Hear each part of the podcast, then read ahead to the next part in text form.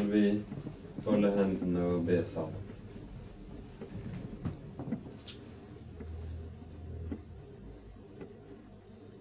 Kjære gode Herre og trofaste Far.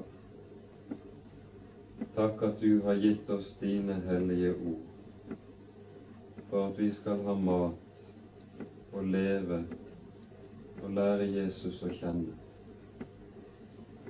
Takk at du har sendt oss din hellige ånd, for at vi skal slippe å regne med noe av vårt eget men få lov til i alle ting å stole på deg og være avhengig av din gjerning. Takk, Herre, at du har gitt oss din egen sønn, og med ham har gitt oss alt vi trenger til liv og til salighet, for at vi ikke skal mangle noe. Nå ber vi deg, Herre, at du vil være midt iblant oss slik du har lovet. Åpne øynene våre til å se din Sønns uransakelige rikdom. At vi kan bli mettet med den mat du selv setter frem. Fri oss og frels oss herifra og bli slike som slutter å sulte etter deg og din nådes ord.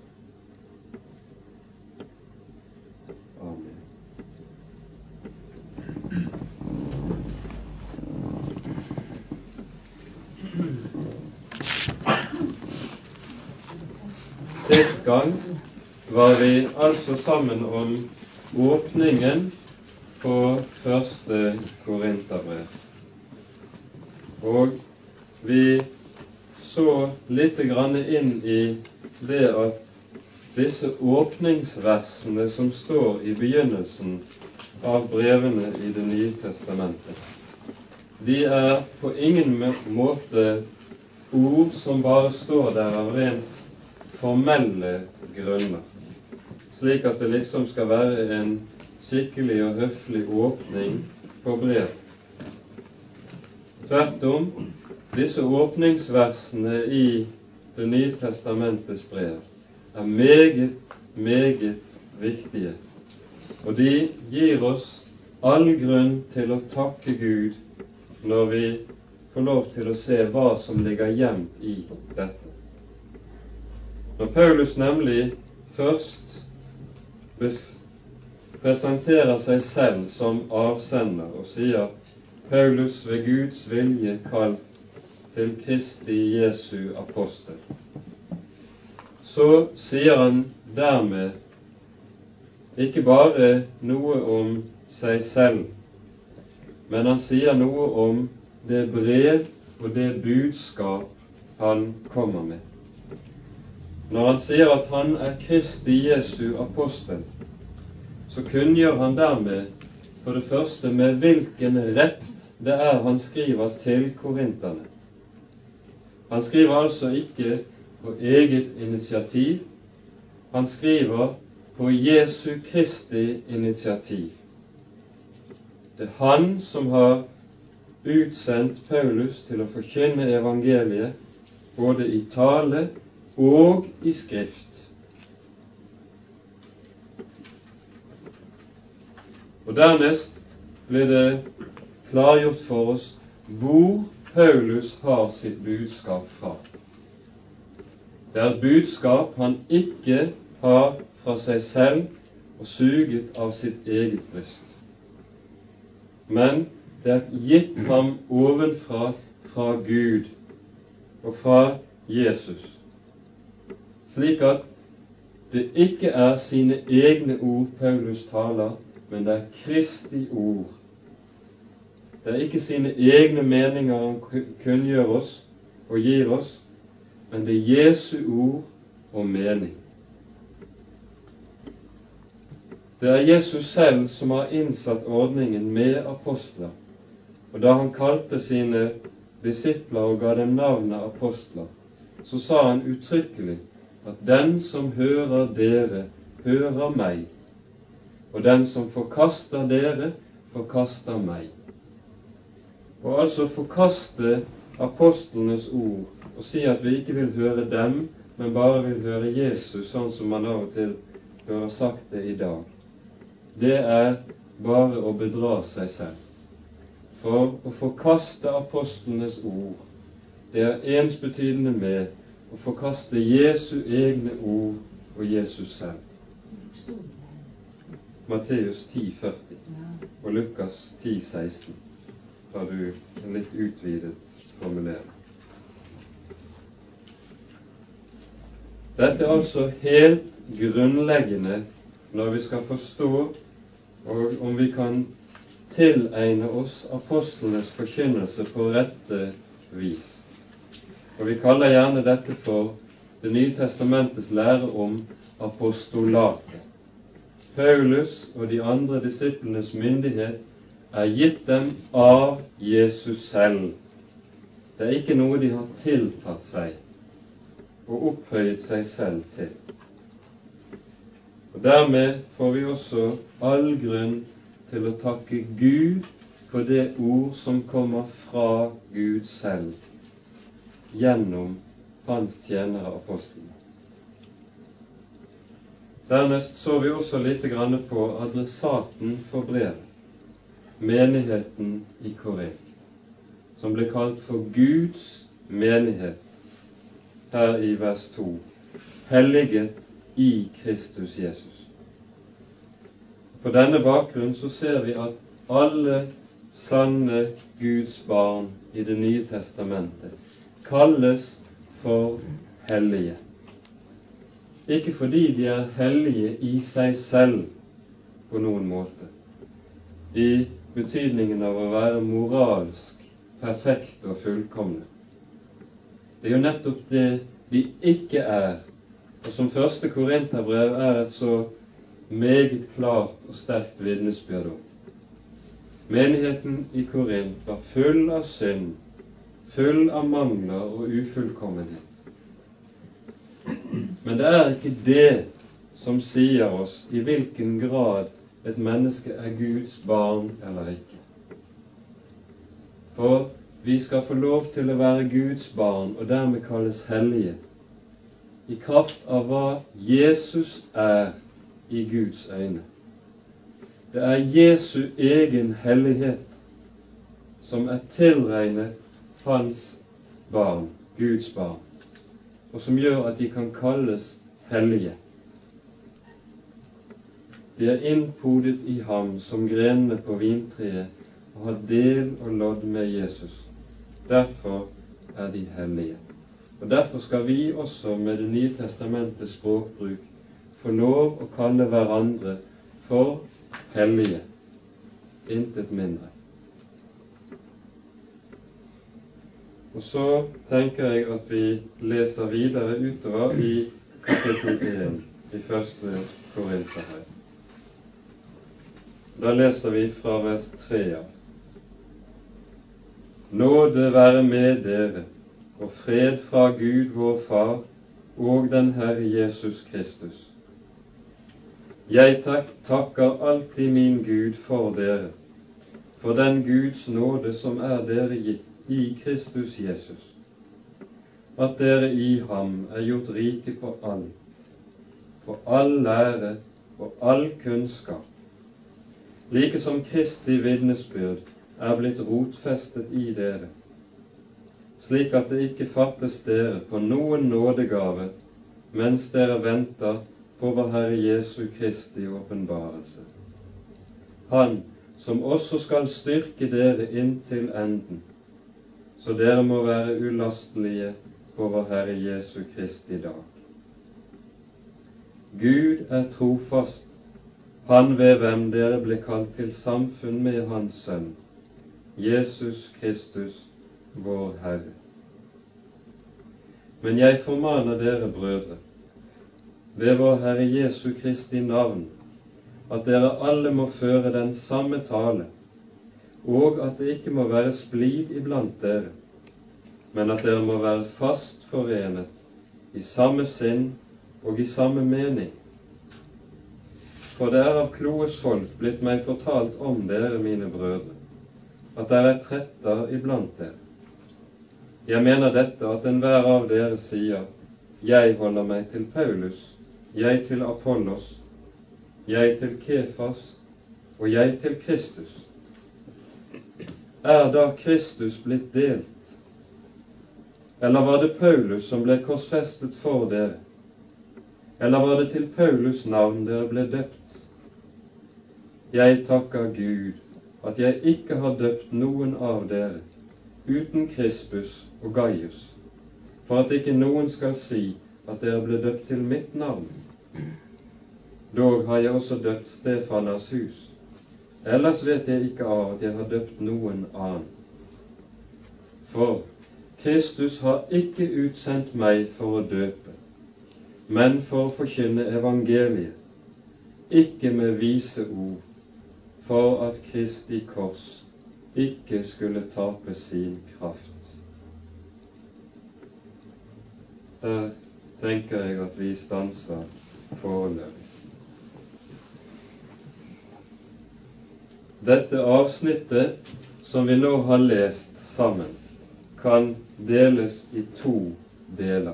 Først vers fire til ni, der Paulus begynner med å takke Gud. Og det er noe vi skal legge merke til. At tross det at det er så mye som er galt og skjevt i menigheten, så er det allikevel så mye som er ovenfra, og som er fra Gud, og som det er grunn til å takke for.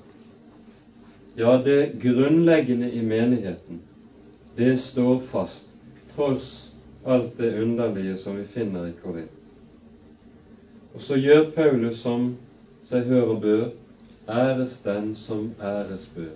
Han takker Gud for det som er i Korint. Han takker ikke korinterne for at de har stelt seg skikkelig og er slik som de bør være. Ei heller roser han seg selv for at han har stelt seg som en dugelig apostel og som har gjort sånn som han skulle i Korint. Nei, det som er rett og godt i Korint, er det bare én som det er grunn til å takke for, og det er Gud. Er det noe som skal klandres, så er det mennesker som skal klandres. Men er det noe som skal roses, så er det Gud som skal takkes, ingen andre. Og her skal vi merke oss at denne takken, den er ikke uegentlig ment. Det er mange fortolkere av Korinterbrevet som har ment det slik, på bakgrunn av alle de ting som Paulus senere påtaler i Korinterbrevet. Så har de ment det slik at denne takken har enten er ironisk å forstå, eller at Paulus vil på en måte bruke høflighet eller smigre korinterne litt, slik at det blir lettere for dem å ta imot de harde ordene han senere er nødt til å si. Slik kan vi ikke forstå det. For å bruke Guds navn slik i uegentlig mening, det ville for Paulus være det samme som å misbruke Guds navn altså synd mot det annet bud. Du skal ikke misbruke Herren din Guds navn, for Herren vil ikke holde den uskyldig som misbruker Hans navn, står det.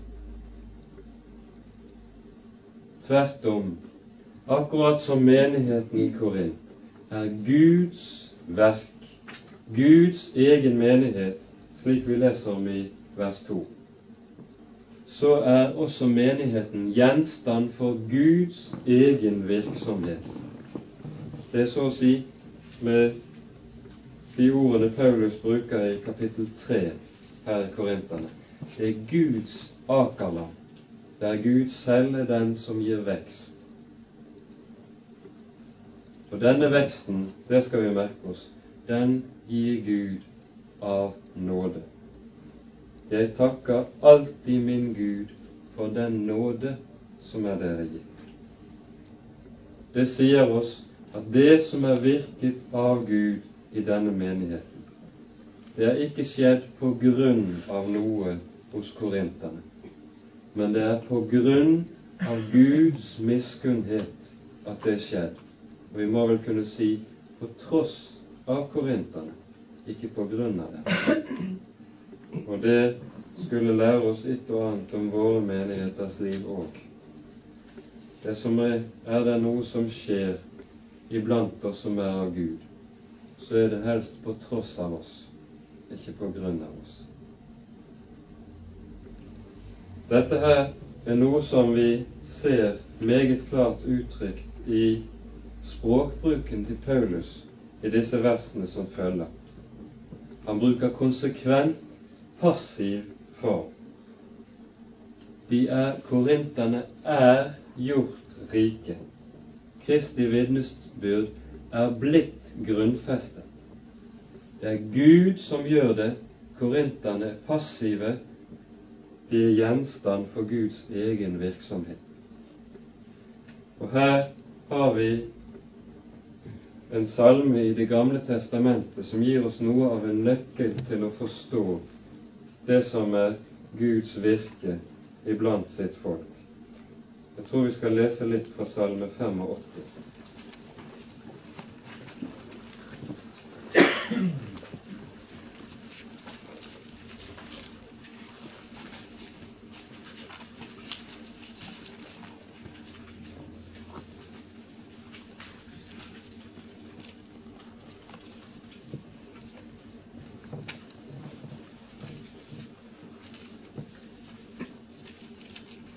Der leser vi vers 12 og 13. Hele salmen hører med i denne sammenhengen, men disse to versene gir det på en spiss.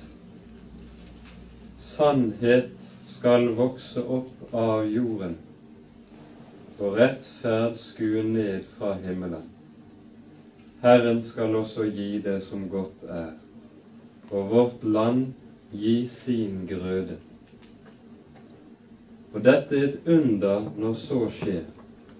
For det som er naturlig for oss og iblant oss, det er ikke at sannhet spirer frem av jorden her nedenfra, men det er at løgn spirer frem, forvirring spirer frem, alt mulig slags tårnekraft.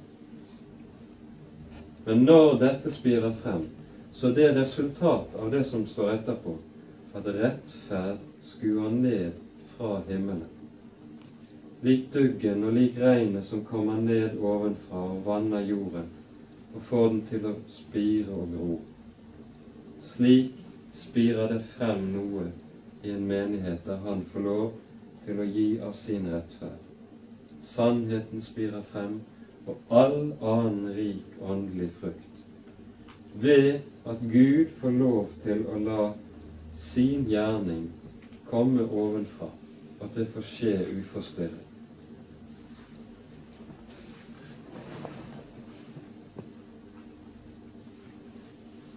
Det ser vi ikke minst når vi kommer til vers 7. Merk der at der har vi en følgesetning, slik at det ikke fattes dere på noen nådegav. Dette er en følge av at Han som er Herre, har fått lov til å gjøre dem rike på denne måten, ved sin rettferd som er kommet ovenifra. Noe annet vi skal legge nøye merke til her, det er sammenhengen mellom vers 4 og vers 5. Det er en nøye sammenheng mellom nåde og lære eller innsikt. Han takker for den Guds nåde som er den gitt, og hvor, hvor i består denne nåde? Jo, i at de er blitt gjort rike på alt på all lære og innsikt. Og det er ikke tilfeldig. Peter skriver i 2. Peters brev Voks i nåde og kjennskap til vår Herre Jesus Kristus. Det er det som er den kristne vekst fremfor noe annet. Det at Han får lov til å vokse mens vi avtar, mens vi blir mer og mer bundet til og avhengig av Ham. Og det er denne kjennskapen til og innsikten i hvem Jesus er, hva Han har gjort og hva Han stadig gjør for oss. Det er det som er de kristnes egentlige rikdom. Det er unnskyld, det er Jesus som er vår rikdom. Og det Han er, som er vår skatt. Det er ikke noe vi kan ha i oss selv av åndelige gaver som vi selv kan forføye over, så vi kjenner oss rike. Nei, det ser vi mer enn nok av eksempler på i Det nye testamentet. Når menigheter eller enkeltpersoner begynner å bli slik at de kjenner seg rike, da er det et forfallstegn. De som er rike i nåde og kjennskap til den Herre Jesus, de kjenner seg alltid selv som de som er fattige i ånden, små og hjelpeløse. Men dette er noe vi ikke fort skal gå bort ifra, at kjennskapen til Jesus det er det som er vår egentlige rikdom. Og dette er noe som ikke er intellektuelt å forstå, men personlig å forstå. Som på samme måte som vi kan kjenne hverandre og bli kjent med hverandre som personer gjennom å omgås hverandre. Slik blir vi også kjent med den Herre Jesus ved å omgås Ham og det er det som er rikdommen. Og Legg så merke til vers 6. Denne rikdommen består i og har altså sin kilde i Kristi vitnesbyrd, og at det er blitt rotfestet og grunnfestet hos korinterne. Og dette her, det er en grunnsannhet for alt kristent menighetsliv og fellesskap der Kristi kunnskap, der Kristi ord får bo rikelig iblant oss, der blir også menighetslivet rikt i ham. Men motsatt, der forkynnelsen om den Herre Jesus blir fattig, der vil også menighetslivet bli fattig. Fellesskapet vil bli fattig. Kristi vitnesbyrd, dette uttrykket kan bety to ting. For det første så kan det bety det at det som vi ville uttrykke slik vitnesbyrdet om Kristus. Det vil si at Jesus er vitnesbyrdets innhold og hovedsak. Det er det vi leser om i Johannesevangeliets 16. kapittel når vi hører om hva som er Den hellige ånds oppgave iblant oss, så sier Jesus han, når han kommer sannhetens ånd, så skal han ta av mitt og herliggjøre meg. Det er Jesus selv som er gjenstand for å innholde i vitnesbyrdet, Den hellige ånds vitnesbyrd. Men samtidig så kan det også bety det at Jesus er den som gir vitnesbyrde, og altså er den som underviser oss og er vår lærer. Og dette er noe som vi skjønner springer ut av det vi var bortpå nettopp. Det er et ord vi bruker ofte i Kirken når vi har lest prekenteksten så ber vi med ordene i Johannes 17, 17, Hellige oss i sannheten. Ditt ord er sannheten. Det er et ord vi har grunn til å legge merke til. Når Jesus skal hellige sin menighet og sine barn, hva er da det redskap han bruker? Jo, det er sin sannhet i ordet. Det er det han bruker for å hellige oss. Ingenting annet. Han bruker, bruker ingenting i oss som vi kan rose oss av. Men ved å åpne ørene for sannheten om ham, så helliger han. Derfor er det ikke tilfeldig at Jesus sier uttrykkelig i Johannesevangeliets åttende kapittel at kjennetegnet på Jesu disipler er nettopp dette dersom dere blir i mine ord, sier han. Da er dere i sannhet mine disipler, og dere skal kjenne sannheten, og sannheten skal frigjøre dere.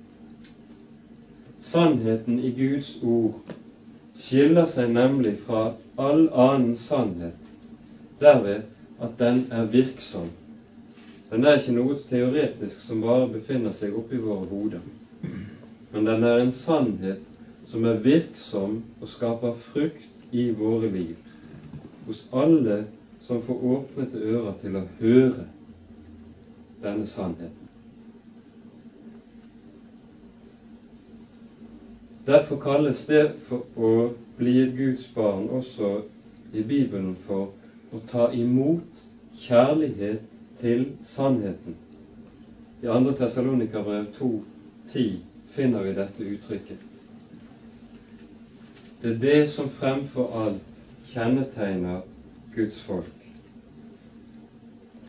Og dette er noe som vi nettopp er avhengig av, fordi i den verden vi befinner oss, og i våre egne hjerter, så er løgnen det som er vårt element.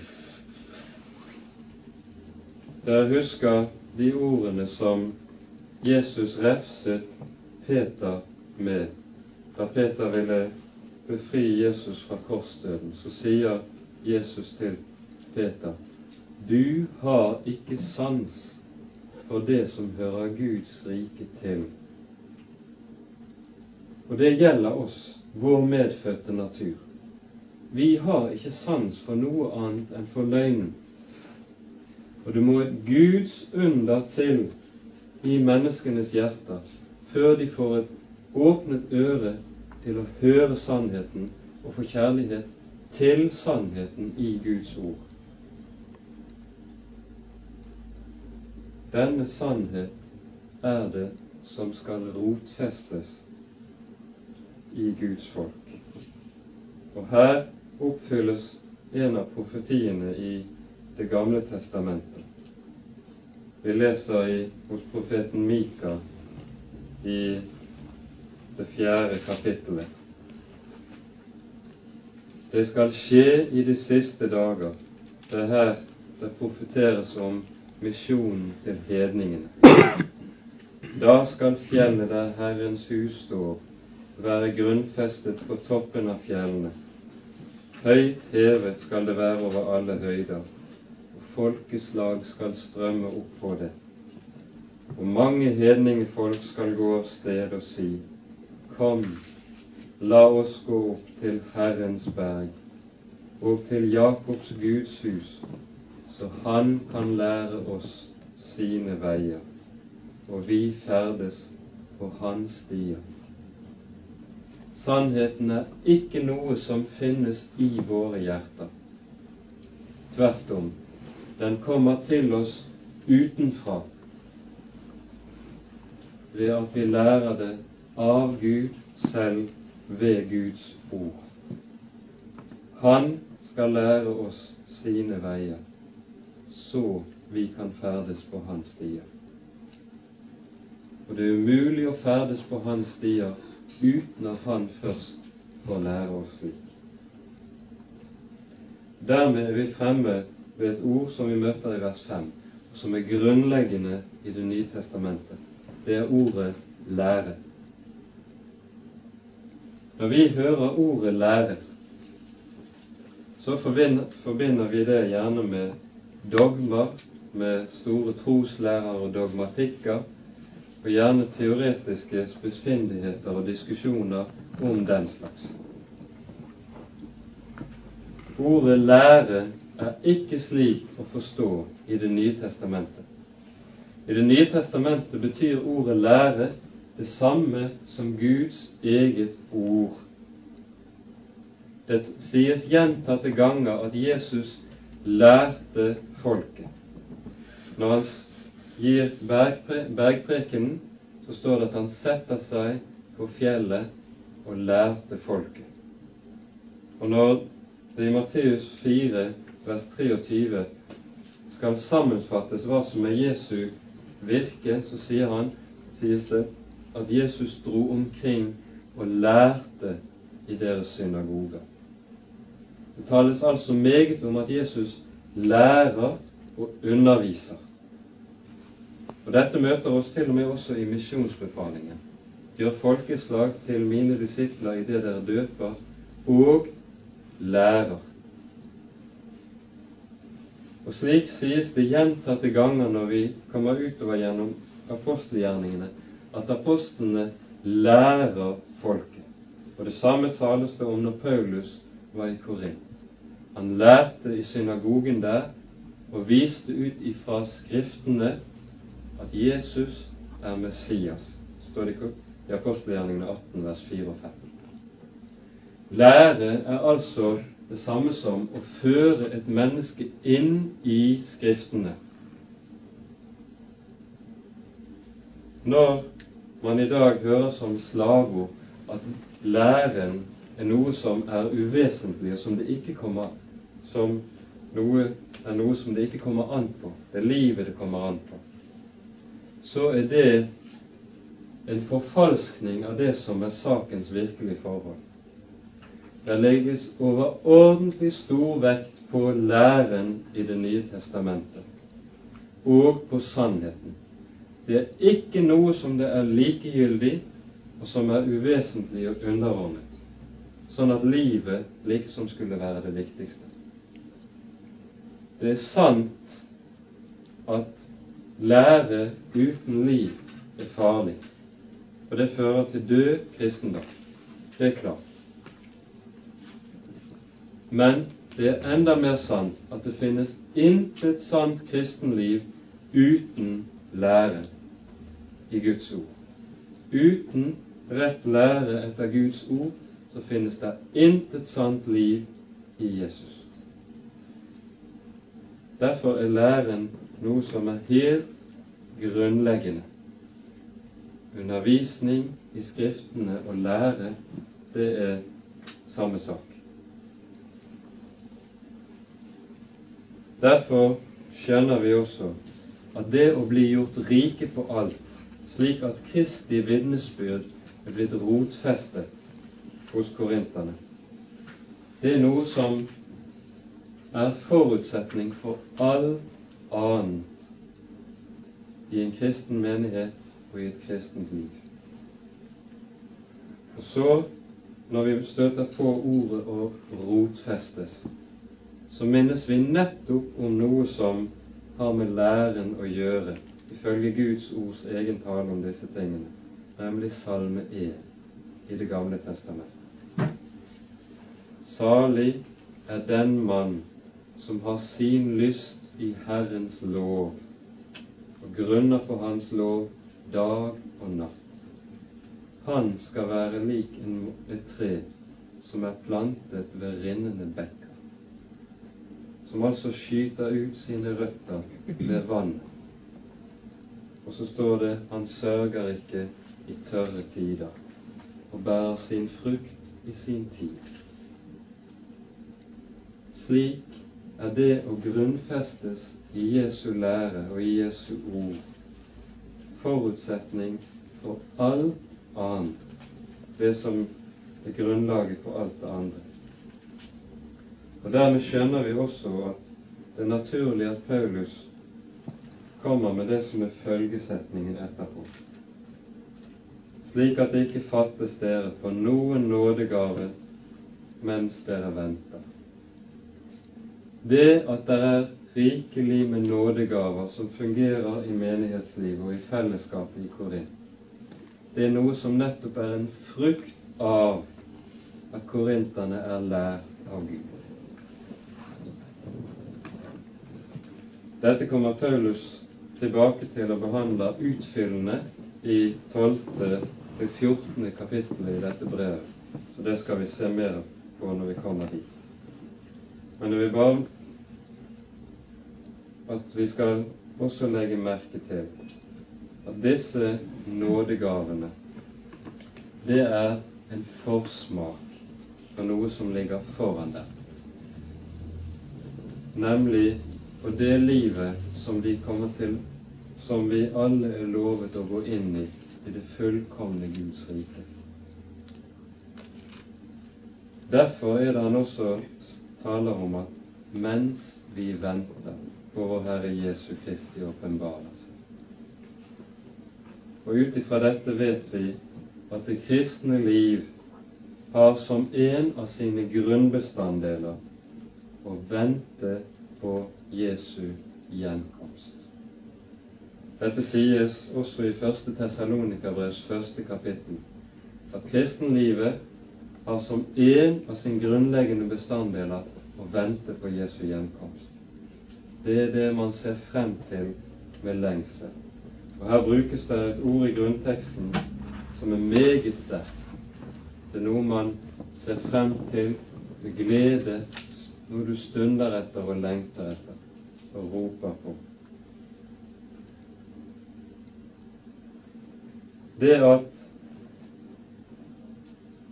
Gud har fått lov til å virke slik iblant korinterne, det er noe som også skal fortsette inntil denne dag det som kalles for Kristi dag. Han som også skal styrke dere. Og her brukes det igjen et ord, brukes det samme ordet som brukes i vers 6 om å rotfeste. Styrke og rotfeste eller grunnfeste, det er det samme ordet. Og legg nøye merke til hva denne rotfestelse og styrkelse går ut på. Det går ikke ut på at de kristne skal gå rundt og føle seg som store og sterke og prektige og åndsfylte mennesker, men at de skal bli bevart ulastelige. Det betyr egentlig uanklagelige frem til vår Herre Jesu Kristi dag. Her er det et ord i Romerbrevets åttende kapittel som kanskje renner noen i hu.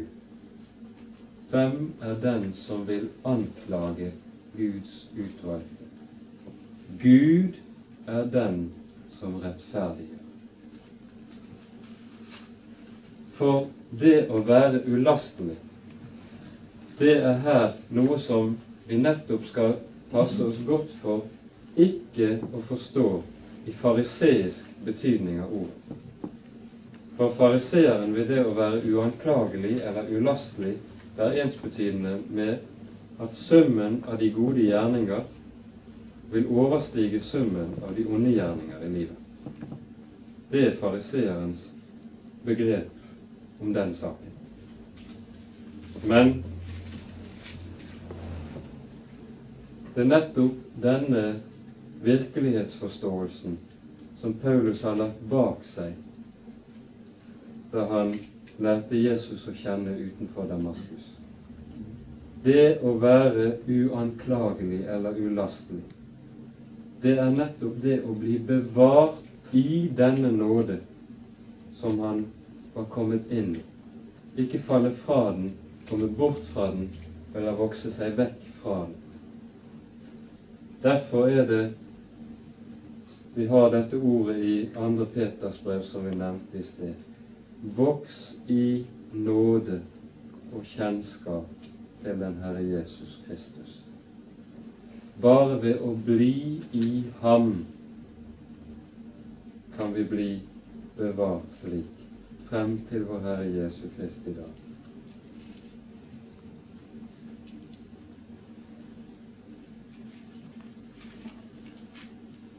Så går Paulus inn i det som er det første formaningen han kommer med i Korinterbrevet. Skal jeg åpne døren litt? Blir det veldig varmt her nå?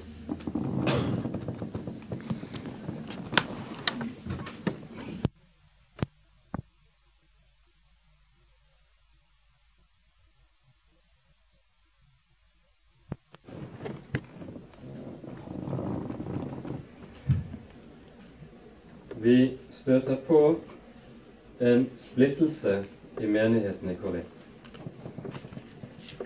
Og så forklarer Paulus nærmere hva han mener med den saken. Noen sier 'jeg holder meg til Paulus', andre 'jeg til Apollos' eller 'jeg til Kephas', og en fjerde gruppe sier 'jeg holder meg til Kristus'.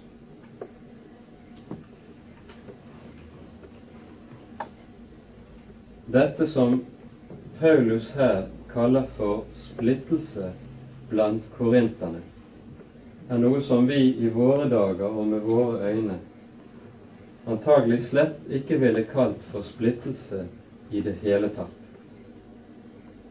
Vi ville kanskje motsatt sett slike meningsforskjeller som man av og til sier dette her, beskriver det som, som tegn på åndelig liv. Men slik er det ikke i Paulus øyne. Det som nemlig ligger gjemt her, er jo nettopp det at mellom en Paulus og en Apollos eller en Peter eller Jesus selv foreligger det overhodet ingen forskjell. Det er det samme budskap de lærer. Kristus er ikke blitt delt, og Gud er én. Paulus lærer ikke én ting og Peter en annen og Jesus en tredje ting. Men slik var korinterne kommet inn i på grunn av sin åndelige umodenhet, at de foretrakk én forkynner, én sort forkynnelse, fremfor en annen. Fordi, og det ser vi ofte som en nettopp noe som er en stor fare blant kristne også i dag. Man blir opptatt av forkynneren i stedet for av det som forkynnes. Man er opptatt av fatene som maten sendes inn på, i stedet for av maten selv. Så vil man gjerne ha, dersom maten kommer på sølvfat, så vil man gjerne ha det. Men kommer det på trefat eller bare med leir eller keramikkfat, så bryr man seg ikke, for da virker det så skrøpelig at man ikke ha det. Mens maten som kommer i fatene, er den samme enten det kommer på sølvfat eller trefat. Ja, det er ofte slik at man kan bli så opptatt av fatene at bare man får ting på sølvfat, så bryr man seg ikke så veldig mye om det stein der i stedet for brød. Slik åndelig umodenhet ser vi er meget fremherskende i våre dager. Og Paulus så spiren til dette allerede i Korint. Og dette advarer han sterkt imot. Og så påtaler han dette som er splittelse eller partivesen. Hva kommer det av? Første gang vi leser om splittelse mellom mennesker i vår bibel, det er ved Babels tårn, hvor Gud selv avspør menneskene. Hvorfor? Som frukt av at menneskene selv har villet opphøye seg. Og dette skal vi ha klart for oss, at all splittelse og partivesen det springer ut av dens form for selvhevdelse som består i å hevde egne meninger. Er særlig de som er spesielt intellektuelt anlagt og liker å slåss med sånne ting, som vil hevde seg selv gjennom å hevde egne meninger. Og det er en farlig ting. Og frukten av slik selvhevdelse vil alltid bli adspredelse akkurat som ved tårnet i Babel. Selvopphøyelse fører til splittelse.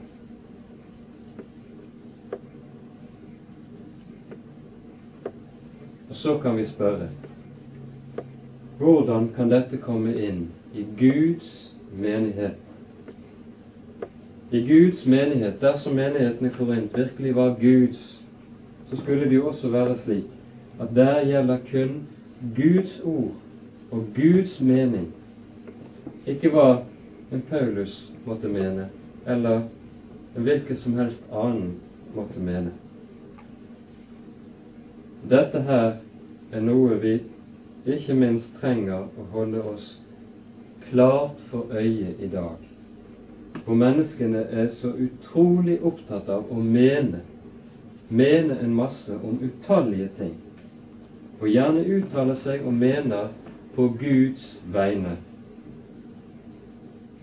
Og jo mindre man vet om de ulike saker, jo mer uttaler man seg, og jo mer mener man. Slik er det ikke lov til i Guds menighet. For i Guds folk er det kun Guds mening og hva Han har å si, som gjelder.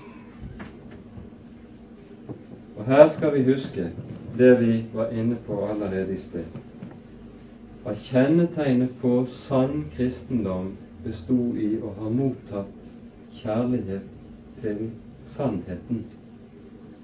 Ut ifra dette kaller også Paulus i Romerbrevets første kapittel vers 7 det å bli en kristen for å komme inn under troens lydighet. Altså det å tro er den egentlige lydighet mot Gud. Men ordet lydighet i Bibelen, det betyr egentlig etter sin grunnbetydning å stå under det hørte. Og det er nettopp det som kjennetegner Guds folk i en sånn sammenheng. At jeg er meg klart bevisst at jeg står under Guds ord, ikke over det. Vi er underordnet det Han har å si. Med denne tillit til eller underordning under det han har å si, følger en klar mistillit til egen evne både til å se sannheten og skjelne sannheten. At jeg er meg bevisst at jeg er blind og trenger Hans øyensalve for å få åpnet øynene til å se Hans lys. Denne mistillit til egen evne kalles for med mange forskjellige ord i Bibelen. Det kalles for fattigdom i ånden. Det kalles for blindhet. En blindhet som Herren selv har lovet å skape syn av. Og det kalles for den stille ånd.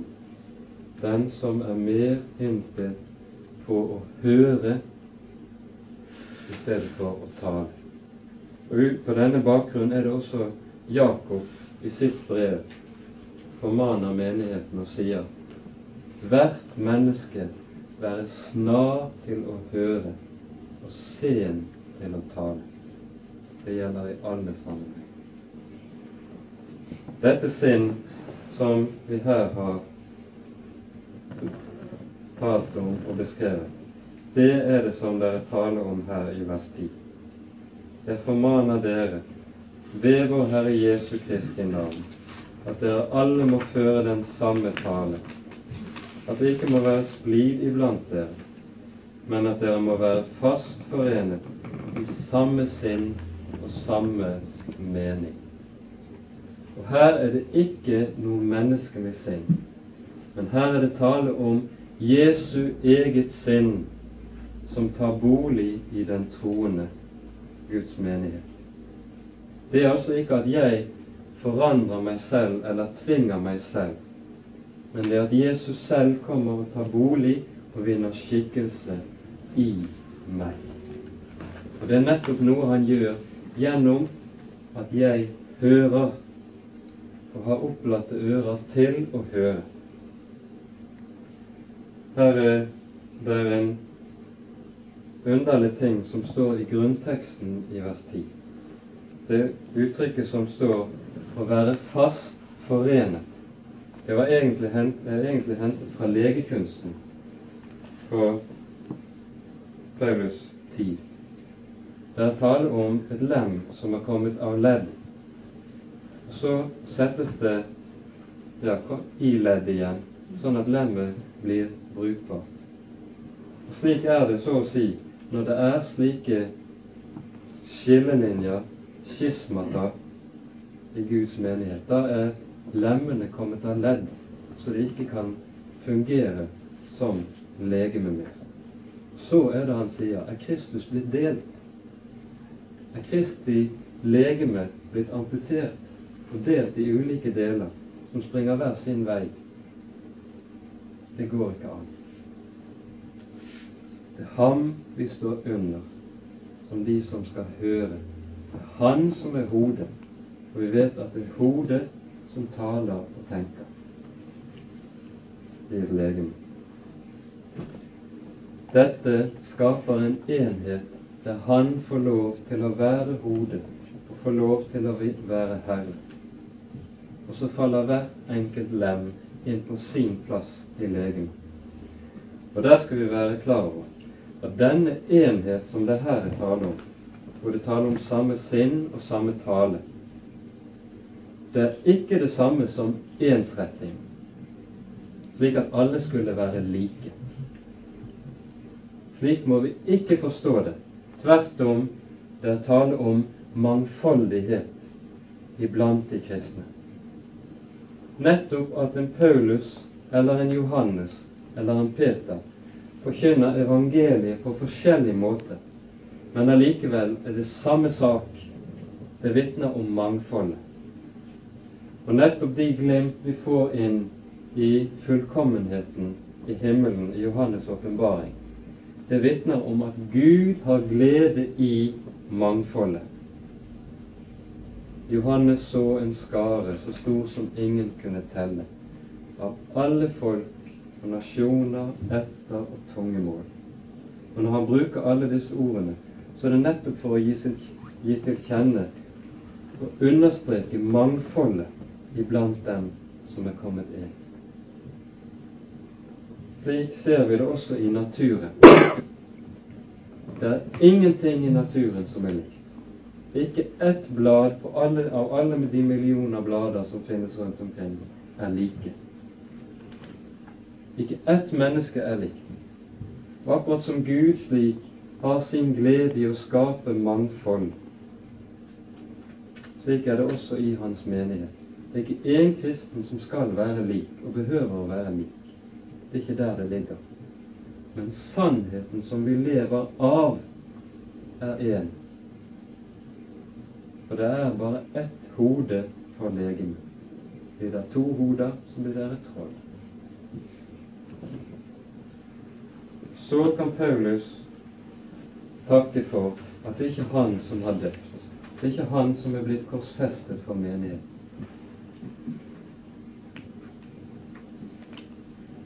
Så fører han talen videre inn i det som vi skal tale mer utfyllende om neste gang, og som viser oss noe av det som er bakgrunnen for skillelinjene som var kommet til syne i Korint. Kristus har ikke utsendt meg for å døpe, men for å forkynne evangeliet, ikke med vise ord, for at Kristi kors ikke skulle tape sin kraft. Det som var korinternes ulykke i denne sammenhengen, det var vel det som kanskje særlig preget Apollos-partiet. Det ser vi ut ifra kapitlene som kommer videre utover, er at de nettopp begjærte visdom. Jeg nevnte jo tidligere, når vi sa litt om bakgrunnen i Korint, at det var mange korintere som var skolert i datidens populærfilosofi. Det som var datidens visdom og visdomstale. Nå når disse var blitt kristne, så ønsket de å forkynne evangeliet ved hjelp av denne visdom, ved hjelp av denne filosofi som de hadde lært seg. Og de mente når de kunne tilpasse evangeliet, ordet om korset, til sin visdomslære, så var de kommet til et høyere stadium enn de andre som ikke begrep seg på den slags høyere ting. De mente også at ved å forkynne evangeliet slik, ved vise ord, så kunne de gjøre kristentroen lettere å akseptere for de som nettopp var filosofisk dannede. Det dannede selskap, de som var høyt på stå kulturelt og intellektuelt. Vi skulle liksom ikke ta slikt anstøt av evangeliet hvis man kunne presentere det slik på en mindre anstøtelig måte og i en mer filosofisk form. De ville altså, om vi skal uttrykke det slik, ikke forandre evangeliets innhold, men forandre form, slik at det ble mer tiltalende og lettere å ta imot. Og nettopp dette, denne måten å tenke på, er det Paulus så vender seg mot med veldig styrke i kapitlet som kommer som vi skal se mer på. For, sier han, om jeg skulle tilpasse evangeliets forkynnelse slik, så kan det nok hende at det ville klø mennesker i øret. Men evangeliet ville tape sin kraft. Og i stedet for å hjelpe mennesker til å bli frelst, så vil jeg hindre menneskers frelse. Ordet om korset vil tape sin kraft der det ble forkynt slik, tilpasset etter menneskenes ønsker. Det er det fremfor alt Paulus ville unngå. Ikke med vise ord for at Kristi kors ikke skulle tape sin kraft. Så beveger Paulus seg inn i det som vi vel må kalle for kjernen på kapittelet. Det er kanskje hele Korinterbrevet, som vi skal tale mer om neste gang. Jeg tror vi stanser på dette i dag.